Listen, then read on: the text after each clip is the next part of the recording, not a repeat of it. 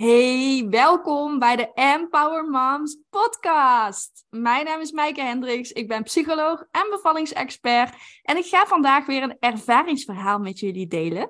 Ik ga vandaag in gesprek met Iris Mostert. Zij is pedagoog en heeft geen onbezorgde zwangerschap gehad.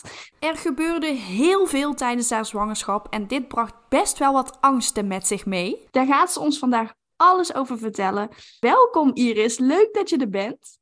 Dankjewel, dankjewel. Ik vind het ook heel leuk om, uh, om bij jou in de podcast te zijn. Superleuk. Zou je jezelf kunnen voorstellen? Ja, dat kan zeker. Zoals je al zei, ben ik Iris Mostert. Ik ben uh, eh, 30 jaar. Ik uh, woon deels in Nederland en in Frankrijk met mijn zoontje van, van anderhalf nu. In Nederland deed ik werken als opvoedondersteuner en op een peuterdagcentrum. En nu zet ik mijn werk online voort. Dus dat ben ik. Ja, en wat bijzonder dat je in Frankrijk woont. Hoe komt het dat je naar Frankrijk bent verhuisd? Nou, mijn vriend uh, die werkt in Frankrijk.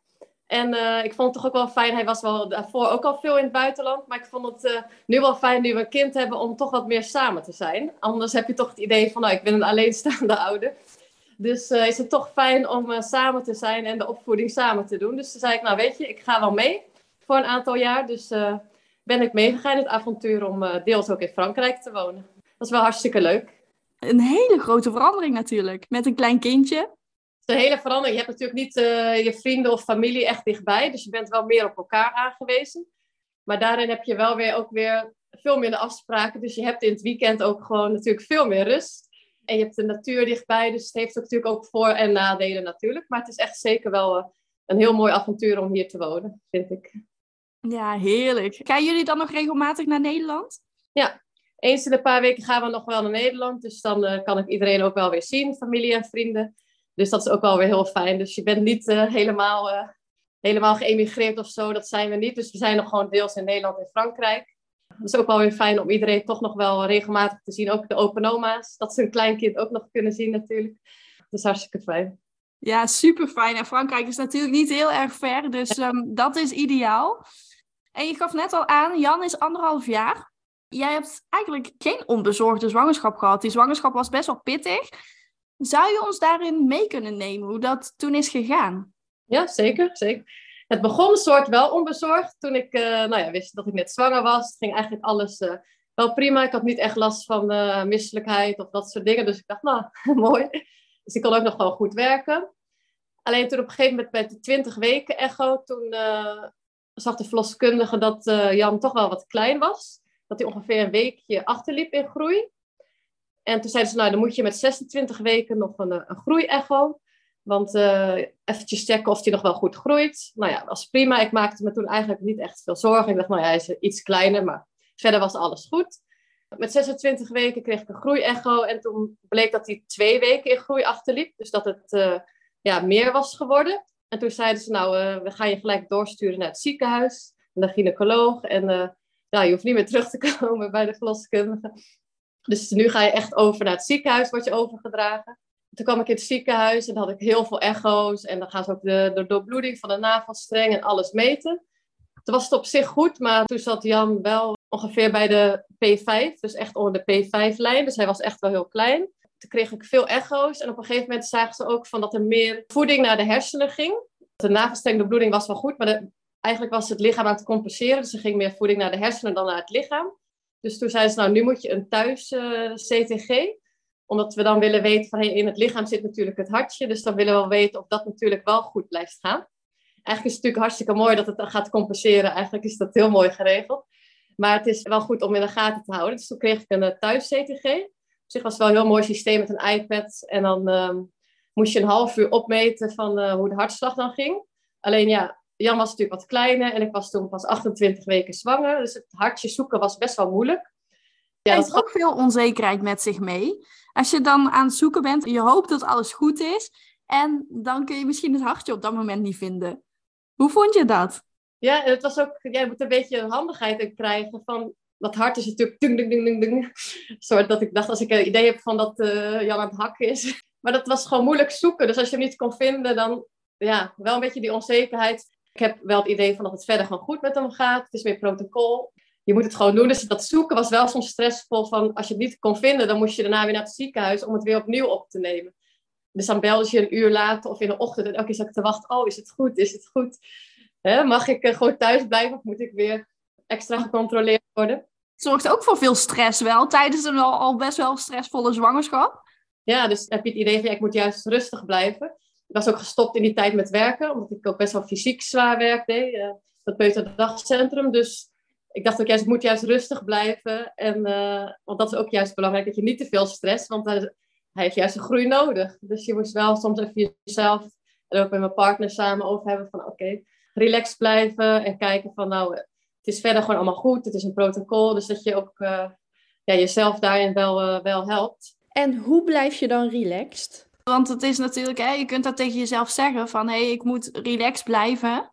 Maar hoe doe je dat dan? Um, ondertussen die CTG een beetje probeerde, deed ik het gewoon lekker s ochtends vroeg. Dat je echt een beetje, kijk tv, dat je er gewoon een ontspannen moment van maakt. Een kopje thee en dat je gewoon een tijdschriftje erbij, dat je echt dacht van, oh ja, we gaan er nu vol zoeken. En als het niet lukt, hè, niet het half uur vol, dan gaan we beginnen weer opnieuw.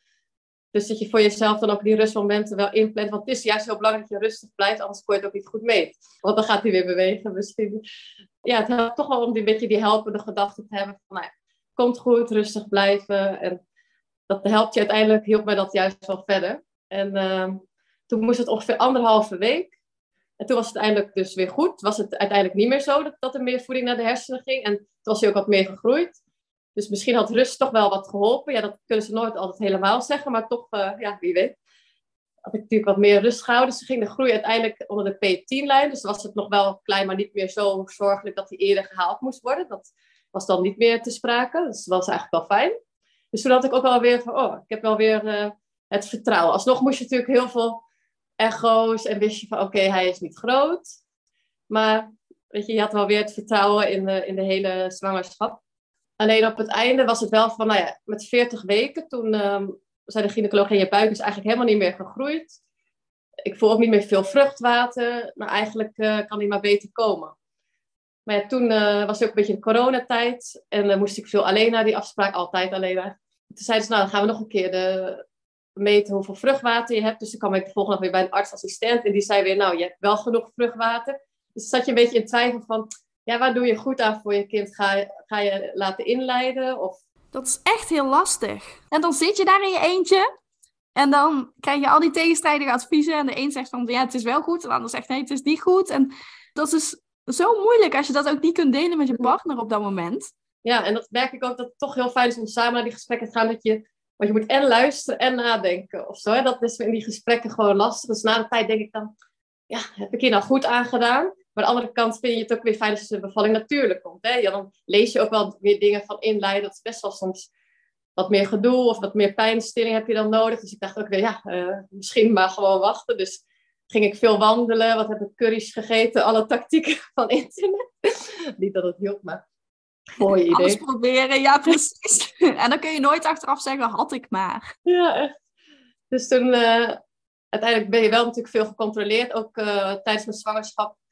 Ook extra gecontroleerd omdat mijn zus uh, zwangerschapsvergiftingen heeft gehad. En mijn moeder ook. Dus ik kreeg als een aspirine met bloedverdunners. En uiteindelijk was ik ook 20 kilo uh, aangekomen. Ja, wel veel vocht, maar uiteindelijk had ik geen zwangerschapsvergiftiging. Dus dat is wel fijn. Want als dat er natuurlijk nog extra bij kwam, was het minder geweest. Dat zou nog erger zijn geweest, want je had al zo'n best wel heftige zwangerschap hè, met constant CTG en elke dag moest je dat doen. Dus eigenlijk stond jouw hele leven in het teken van CTG en hoe dat zou zijn en of alles wel goed zou zijn.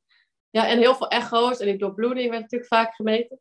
Dus op een gegeven moment wist ik ook gewoon met die echo's precies waar het hoofdje zat. Dus op zich is het juist, ik had wel heel veel vertrouwen omdat je zoveel gecheckt werd en elke keer het goed was. Ja, op een gegeven moment kon je tot 36 weken, op een gegeven moment kan je natuurlijk niet meer goed volgen. Maar ik had wel het, vertrouwen en van wel heel fijne zorg als ziekenhuis. Ik dacht van nou, het wordt goed in de gaten gehouden. Dus alleen op het einde zat je zelf een beetje te twijfelen. Maar uiteindelijk had ik wel een um, inleiding staan op 41 weken en één dag een gegeven moment dacht ik, ja, dat is dan echt wel het uh, limiet. Als het dan nog niet uh, uit zichzelf is gekomen. En toen uiteindelijk is het dus die zondag wel uit zichzelf begonnen. Dus de dag voor de inleiding. Gelukkig! Hoe fijn is dat dat het dan toch zelf nog begint? Dat je toch die ruimte hebt genomen om je lichaam de tijd te geven om het zelf op te starten. Hoe mooi is dat? Ja. En als je nu terugkijkt dan hè, op, op jouw zwangerschap, hoe kijk je daar nu op terug, op die tijd? Ja, ook wel weer soms even wat stressvol rond die tijd van CTG. En ook uh, al die echo's. En dan, ja, het is wel wat, dat onbezorgd is af. Vanaf 20 weken was dat wel dat onbezorgde af. Dan maak je toch alweer, dan merk je weer van, oh, je hebt toch alweer zoveel liefde voor je kind dat je echt al zorgen gaat maken om zo'n klein ventje. Dus ja, dat, dat merkt je wel van, ja, die onbezorgdheid is af en uh, dat is toch wat, uh, wat minder fijn. Maar uiteindelijk, omdat ik zei, ja, je wordt toch wel weer heel goed in de gaten gehouden, heb je ook wel weer het vertrouwen van het komt wel goed. Dus uh, dat heeft me wel geholpen. Ja, fijn. En had je toen je zwanger was wel het gevoel van hé, hey, ik kan genieten van deze zwangerschap? Of was je eigenlijk echt alleen maar bezig met alle medische handelingen die er moesten gebeuren? Ik kon ook wel zeker nog wel genieten. Ook als ik niet extreem grote buik had, was ik fysiek nog best wel gewoon goed. Dus ik heb wel gewoon mijn rustmomenten gepakt, maar ik kon nog wel eigenlijk alles, uh, alles doen. Dus ik ervaarde niet echt uh, die ongemakken die sommige vrouwen natuurlijk ook hebben. Dus daar kon ik nog wel veel en probeerde ik ook even te lunchen met mijn vriend. En juist nog die dingen te doen die je daarna weer minder goed kan. Dus pak, heb ik ook echt wel expres gekozen. Oh, ik ga nog wat leuke dingen doen. En oh, ik ging een beetje hobby dingetjes doen. Dus je toch even wat afleiding ook hebt. En ondertussen had je natuurlijk die ziekenhuisafspraken. Maar daaromheen probeer ik wel die ontspanning uh, te zoeken. Omdat je ook weet, hey, dat is ook, ook belangrijk om te hebben. En soms is het natuurlijk ook wel weer spannend van, of oh, voel ik hem nog goed? En uh, dat soort dingen blijft natuurlijk altijd wel spannend maar dan ging ik heel rustig liggen. dacht ik, oh ja, een half uur beter. Dan, oh ja, ik voel hem weer, weet je wel. Dus dat zijn weer bepaalde checks die je dan nog even extra doet. Maar uh, nee, verder, ondanks die dingen heb ik toch wel geprobeerd om de ontspanning tussendoor wel te zoeken. Ja, mooi. Want inderdaad, een thuis-CTG komt eigenlijk niet heel vaak voor. Tenminste, ik heb het nog zelf eigenlijk nooit meegemaakt bij de vrouwen die ik heb begeleid. En ook nog nooit echt van gehoord dat zoiets mogelijk is. Maar het is wel heel fijn, want om elke dag naar het ziekenhuis te gaan, dat is natuurlijk ook een hele opgave. Ja, als het dan thuis goed gaat, dan kun je gewoon lekker in je eigen omgeving blijven. Hè? Dat voelt toch iets minder belastend dan. Hoe mhm. heb jij dat toen ervaren? Ja, ik heb toen ze dat zeiden dat dat ook thuis kon, dacht ik gelijk, oh yes. En het was wel, hè, nu, ze hadden er maar twee. En was een nieuw systeem. Maar zo'n koffertje met een iPad en draadjes. Hè, precies hetzelfde CTG's in het ziekenhuis. Hè, met die, uh, met die gekleurde banden. Maar alleen dan met een iPad. En dan kan je precies ook zo die uh, hartslag zien. En dan die opname. Het, het, is natuurlijk wel super dat dat, dat, dat kan thuis. want anders moest je elke dag moest ik toch wel een half uurtje rijden naar het ziekenhuis, weer een half uur opnemen. En dan moest je weer wachten. En dan, wacht, ja, dan ben je gewoon zoveel een paar uur kwijt. Dus super fijn dat het, dat het kan. En als het niet goed is, dan kan je, ga je natuurlijk alsnog naar het ziekenhuis. Dat heb ik dat één keer gehad, hè, dat het weer opgenomen wordt voor een half uur. Dus het is fijn dat het natuurlijk thuis kan in je fijne omgeving. Dus het is echt super. Ja, ideaal, inderdaad. En natuurlijk super fijn dat je uiteindelijk ook geen zwangerschapsvergiftiging hebt ontwikkeld. Want eh, dit was eigenlijk al heftig genoeg. En dat de bevalling spontaan begon. Want hoe ging het toen, toen die zondag? Wat gebeurde er toen precies? Nou, die zondag begon het eigenlijk al een beetje die nacht ervoor rond een uur of drie. Dat ik dacht, hé, hey, ik voel wat. Maar ja, dat, dat heb je het idee dat je daarvoor altijd dat je denkt dat je wat voelt. Dus ja, je denkt ook meer van, nou ja, het zal wel, het zal wel niks zijn. Dus toen begon het eigenlijk een beetje. Maar ik kon toen nog wel gewoon slapen s'nachts. En de hele dag voelde ik een beetje van uh, wat krampjes. En gewoon echt nog heel licht. Kwam soms opeens opzetten en weer weg. Nou, heel zonde. Dus ik kon eigenlijk toen ook nog alles doen. Toen had ik ook uh, echt die nesteldrang dat ik dacht, oh ja, ik ga nog uh, stalen deuren poetsen. Geen idee wat ik toen allemaal nog deed. En later dacht ik, waarom heb ik niet even meer rust gepakt? Maar gewoon uh, een beetje kwam het op en af. En ik heb ook nog gegeten, gedronken, eigenlijk alles ging. Maar ik voelde het wel steeds, maar ik hield het ook wel weer een beetje voor mezelf. Dat ik dacht, nu ja, kijk het wel even aan. En het was ook die, een EK-wedstrijd die avond. En mijn vriend zei, ja, zal ik nog gaan? Zeg ik, ja, ga maar lekker. Nu heb je nog een avond met vrienden, nu kan het nog, dus ga maar lekker.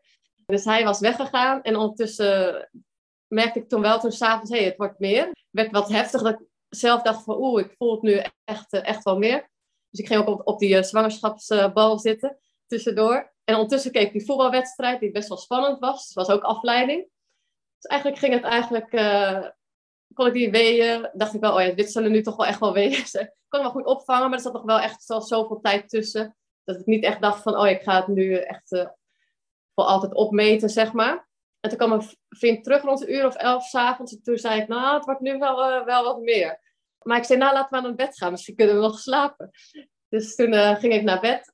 Maar ja, ik ging nog in mijn e-reader lezen en weer op die bal zitten. Maar ja, uiteindelijk kon ik natuurlijk helemaal niet meer niet meer slapen. En toen zei ik op een gegeven moment, ja, nu wil ik eigenlijk wel onder de douche gaan zitten. De pijn werd wat heftiger. Maar als ik ging opmeten, was het soms zeven, dan vier, dan drie. Dus niet echt zo stabiel. Want ze zeiden, ja, het moet eh, om de drie minuten, een minuut duren. dacht ik, ja, eh, is dat nou zo? Maar uiteindelijk zeiden we, nou, laten we maar bellen. En toen zeiden ze, nou, kom maar langs en dan kijken we wel. Uh, anders ga je altijd weer naar huis. Dus het ging al rond de uur of twee, drie s'nachts was het volgens mij. Gingen we met de auto en toen in de auto werd het echt heftiger. Echt om de drie minuten dacht ik, oh ja, nee, nu, nu komt het wel meer. Toen was autorijden echt niet chill. Dat is heftig dan, als je met die wee in de auto zit. Hè? Je moet je pijn opvangen. Hoe heb je dat gedaan? Je zat echt zo... Ik dacht ook echt van... Oh ja, ik had wel eens gehoord dat dat niet fijn was. Nou, dat ervaar ik ook. Terwijl het super rustig was op de weg. Dus je kon zo... Je was echt... Uh, ik weet niet, binnen een kwartier bijna. Dat was super snel. En uh, toen kwamen we aan bij het ziekenhuis. En toen mijn vriend... Die had instructiestuk uh, gelezen. Die dacht, ik ga een rolstoel pakken. hij met zijn muntje. Maar toen kreeg hij dat, die rolstoel niet van zijn slot zei ik, nou, weet je, ik loop wel. Dus ik moest al lachen. Dat het dan al gewoon lekker liep, weet je. En toen pakte hij die babytas uit de auto. Had ik helemaal een leuke blauwe tas. Pakte die tas vast en toen braken vol die hendels af voor de deur van het ziekenhuis. En toen kreeg ik gewoon de slappe lach. Ik dacht, wow, hoe begint dit? Ik kreeg echt een slappe lach voor die lift. Dacht ik, oh, ik, dat is echt helemaal niet lekker eigenlijk. Maar goed, het was wel, uh, was wel grappig. En toen kwamen we aan op de kamer. En toen uh, gingen ze kijken, toen had ik eigenlijk al 5 centimeter ontsluiting. Dus ik begon eigenlijk al wel uh, heel lekker. Ik had niet verwacht dat ik dan toch al best wel zo ver was. En ze zagen ook echt die weeën echt zo door die, door die baan schieten. Dus ze zeiden, nou, je blijft eigenlijk nog best, best rustig. Die weeën vond ik wel heftig, maar ze waren nog een soort van goed weg te, weg te puffen. Toen ben ik ook onder de douche gegaan. Toen ben ik ook, ook wel misselijk. Dus dan merk je echt dat je lichaam zichzelf aan het klaarmaken is voor de bevalling toen op een gegeven moment ging het eigenlijk nog sneller. ik 7 centimeter na het douchen, dus het ging eigenlijk best wel vlot. En op een gegeven moment zei ze, nou, als je persdrank voelt, moet je op het knopje drukken. Dus op een gegeven moment, dat voelde ik wel echt duidelijk. Snel op het knopje. En uh, toen kwamen ze, zei ze, nou, je hebt uh, 10 centimeter. En voor die persdrank vond ik trouwens die weeën wel heel heftig. Dat ik echt dacht, oké, dit is niet te doen. Dan wil je eigenlijk pijnstilling. Voor die laatste 2 centimeter. Maar goed, dat, uh, dat is natuurlijk niks meer. Maar dan staat je echt van, oh, waarom wilde ik eigenlijk zwanger worden en al die gedachten vlogen door Ja, en dat, is vaak echt op het laatste moment, hè, dat je dan denkt van, oh, ik kan niet meer. Dat het echt die laatste centimeters zijn. Die zijn super heftig, inderdaad. En dan is er vaak geen andere optie meer. Hè? Die pijnstilling, daar is dan te laat voor. Dus kun je alleen maar nog maar doorzetten. Ik was, bleef ervoor best relaxed, maar toen dacht ik echt, oké, okay, dit is niet zo. Maar uh, toen daarna, op zich ging dat twee cents maar ook nog een soort van snel gelukkig. Toen kreeg ik uh, de persdrang op het knopje drukken. En toen, uh, nou ja, toen mocht ik gaan persen. Dat duurde ongeveer drie kwartier of zo. En toen mocht ik, heb ik tussendoor ook op een baarkruk gezeten. Vond ik eigenlijk ook wel heel fijn. En toen moest ik daarna ging ik weer, uh, weer op, het, op het bed. En toen mocht ik gaan persen. Dat ging eigenlijk wel, wel heel goed. Maar op een gegeven moment zei ze, nou ja, de hartslag daalt toch. En toen hebben ze een knip gegeven toen was hij uh, geboren. Dus eigenlijk ging die persfase, ja, het is natuurlijk echt wel, uh, wel pittig, maar het verliep eigenlijk wel uh, met fijne begeleiding wel, wel soepel. Toen werd Jan geboren, dus het was superleuk. Ja, wauw. En hoe lang heeft je bevalling geduurd in totaal? Ja, ik weet dan niet wat voor tijd je eigenlijk mee, mee moet rekenen. Of je dan natuurlijk al die nacht ervoor, toen nog, ja, eigenlijk begon het dan rond de, rond de avond, wat, wat, wat echt die weeën wat heftiger, rond de uur of tien, elf. En dan ja, hij is half zeven s ochtends geboren. Dus. Oh, dat is echt best wel snel hè, voor een eerste kindje. Nou, fijn dat dit zo goed was gegaan. Ja. Op welk gedeelte van die bevalling ben je het meeste trots? Nou, ik denk de eerste fase dat ik dan ook wel weer... Want ik had er wel gelezen dat je grappige filmpjes moet kijken. dus dat je er vooral veel ontspanning, hè. Dat het dan... Uh, je lichaam heeft natuurlijk zelf oxytocine ook. En dat, dat je vooral ontspannen moet blijven op komen die weeën. En ik denk dat dat mij dat heel erg heeft geholpen. Door uh, op die bal te gaan zitten en vooral rustig te blijven. En ook al zijn er weer, ja, het weer wegpust en dan komt het weer op. En vooral rustig blijft en uh, ja, positief. Dat je ja, eigenlijk ondergaat. Eigenlijk denk ik van, dat ging eigenlijk best wel heel soepel. Zo dat eerste stuk, waardoor je het ook goed volhoudt bij de rest van het stuk. Natuurlijk, dat persfase vond ik zeker dat ik dacht, oh, dit heb ik nog wel iets onderschat. Dat is echt nog wel echt keihard werken. Je wordt echt gecoacht van, kom op. Weet je wel, je wordt echt uh, aan het werk. Dus dat, dan heb je daar nog toch de energie voor, zeg maar. Dus dat is wel fijn dat je de eerste fase gewoon heel uh, rustig bent doorgekomen. Ja, heel mooi. En inderdaad ook wat je zei toen jullie het ziekenhuis inkwamen, dat eigenlijk alles misging toen en dat je daar enorm hard van moest lachen. En dat werkt natuurlijk ook mee voor die ontspanning hè? en al die hormonen die vrijkomen, waardoor je dus iets makkelijker je wee kunt opvangen. Dus eigenlijk is dat alleen maar heel goed. Heb jij je bevalling gehad zoals jij had gepland? Nee, ik wist al wel van tevoren, al, uh, toen ik net zag dat ik al wel in het ziekenhuis wilde bevallen. Maar dan was het gewoon met je eigen verloskundige. Maar uiteindelijk werd het natuurlijk medisch. Dus dan had je daarop gerekend. Dus uiteindelijk is wel de bevalling uh, verlopen zoals ik wel uh, zelf ook wel prettig zou vinden. Eigenlijk zonder pijnstilling wilde ik het proberen. Dat is gelukt. Ik was er niet op tegen. Ik dacht van, nou als ik denk dat ik het nodig heb, dan vind ik het prima. Maar als het zonder kan, is het natuurlijk alleen maar fijn. Dus ik vind dat echt wel heel fijn hoe dat verlopen is en de begeleiding en eigenlijk al die fases. Uh, ja, alleen uiteindelijk was dus die placenta, die kwam niet gelijk los. Dus er was mijn zoontje geboren. Het was echt even ja, een heel kort moment en moest hij gelijk naar, mijn, naar mijn vriend toe. Dus je hebt niet echt zo'n heel uh, golden hour momentje gehad. Dus moest gelijk, de placenta die kwam niet gelijk los, dus ze moest best wel hard duwen op mijn buik. Toen trokken ze aan de, aan de navelstreng om de placenta los te krijgen. En toen schoot die navelstreng los. En toen uh, ging hij helemaal door de hele, hele ruimte heen. Dus alles zat onder het bloed. dus toen leek het opeens een horrorbevalling. Ook oh jeetje! Net of er een moord was gepleegd in die kamer of zo. Dat helemaal maar bloed zat. Ja, overal op je gezicht. En nou ja, het was gewoon... Overal zat bloed. Omdat die navelstreng losgooit. En dat, dan zag je wel van, oh, die navelstreng was toch wel heel erg dun. Dat zagen ze dan ook van, hé, hey, waarom schiet hij los? Dus hij dat heb ik nog nooit meegemaakt. Dus hij was uh, niet, niet zo sterk. En toen zei de verloskundige, ik durf er ook zelf niet meer te duwen of uh, eraan te trekken. Dat, vind ik, uh, dat durf ik zelf niet meer. Dus ik ga de gynaecoloog erbij halen. En die kwam toen en die durfde het nog wel. Die ging duwen en ook een beetje aan die rand van die placenta. En die heeft er nog wel uh, eruit gekregen. Dus dat was wel heel fijn, want anders moet je natuurlijk naar de OK om de placenta nog operatief te verwijderen. Dus ik was wel heel blij dat dat, dat, dat was gelukt. Toen de placenta eruit kwam, zag je ook van dat de navelstreng in de vliezen zat. Dat zag je gewoon heel duidelijk zo erin verweven. Dus dan snapte je ook wel waarom hij dus wat minder voeding had gekregen. Dus uh, de navelstreng was dus ook echt hè, wat dun. En zat in de vliezen. Nou ja, daardoor had hij wat, uh, wat minder. En uiteindelijk is de placenta ook nog opgestuurd voor onderzoek bij een patholoog. Toen bleek hij ook wel uh, echt wel klein te zijn. Dus, en de placenta was wat klein en de navelstreng zat dus in de vliezen. Dus dat verklaarde wel waarom die ook wat kleiner was. Want dit komt eigenlijk niet zo heel vaak voor, hè? dat die navelstreng doorloopt in de vliezen. En dat dat ook best wel, ja, inderdaad gevaarlijk kan zijn en veel consequenties kan hebben voor de baby. Hoe, hoe was dat voor jou dat er een oorzaak te vinden was?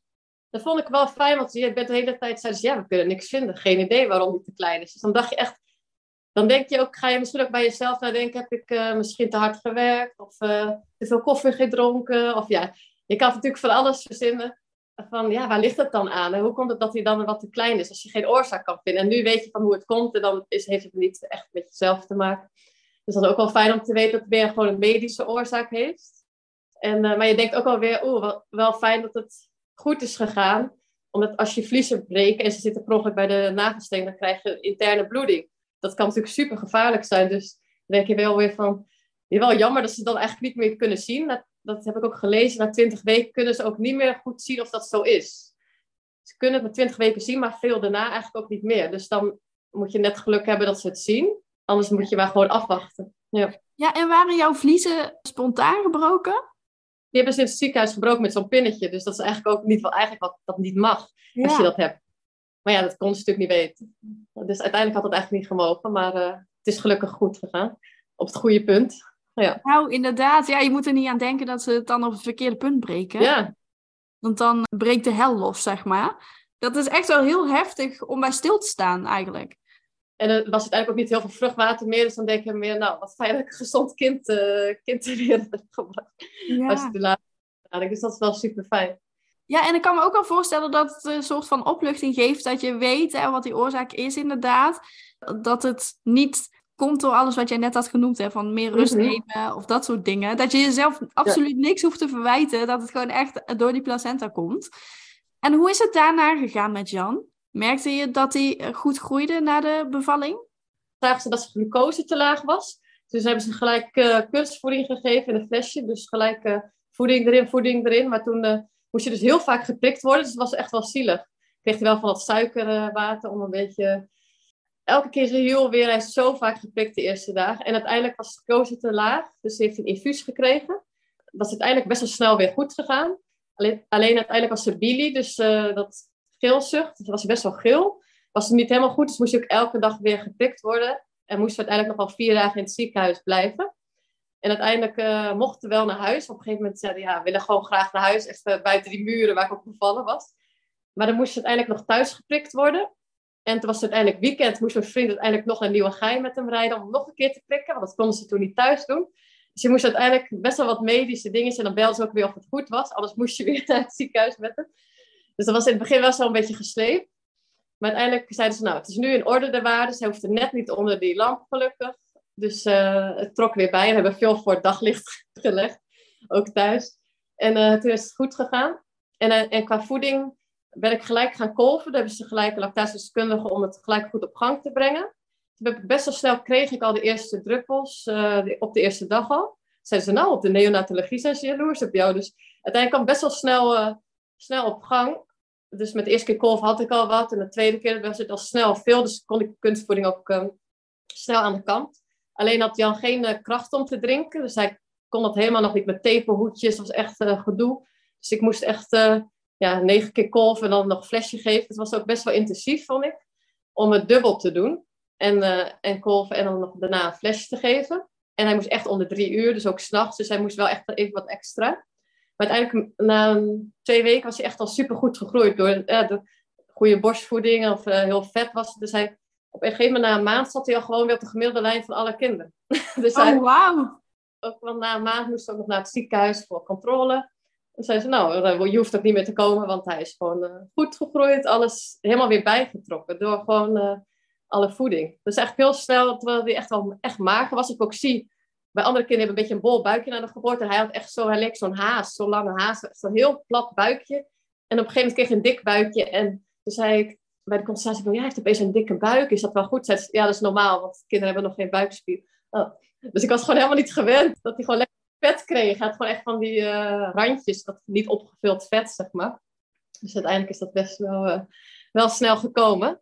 Dus dat is wel fijn. En uiteindelijk na, na twee weken heb ik ook een van thuis gehad. Om toch te proberen dat ik zelf borstvoeding kon geven. Uiteindelijk ben ik daar heel goed in geholpen. En na veel oefening is het gelukt om gewoon zelf te voeden. Dus dat is ook uh, heel fijn dat dat gelukt was. Ja, heel fijn. Maar wel een intensieve tijd ook voor jou. Dat je constant bezig bent met voeden en flesjes geven. En er gaat dan zoveel tijd in zitten. Vooral omdat je dan elke drie uur nog moet eten. En je bent al super lang bezig natuurlijk. Dus die tijd tussendoor is ook kort. Hoe was dat voor jou? ook dat schoonmaken tussendoor en s'nachts. En de... ja, op een gegeven moment, twee weken, zei ik, nou, als het nu niet meer lukt, dat hij zelf gaat. Ik probeerde even te oefenen met dat lukt echt volgens mij mee. Hij zat even te happen en dan werd hij weer boos. En dat werkte gewoon niet. Dus ik, nou, ik ga nu lactatedeskundige vragen en lukt het niet, dan weet ik niet of ik doorga met kolven. Dat is gewoon te, te intensief voor mij. Het was gewoon te vermoeiend.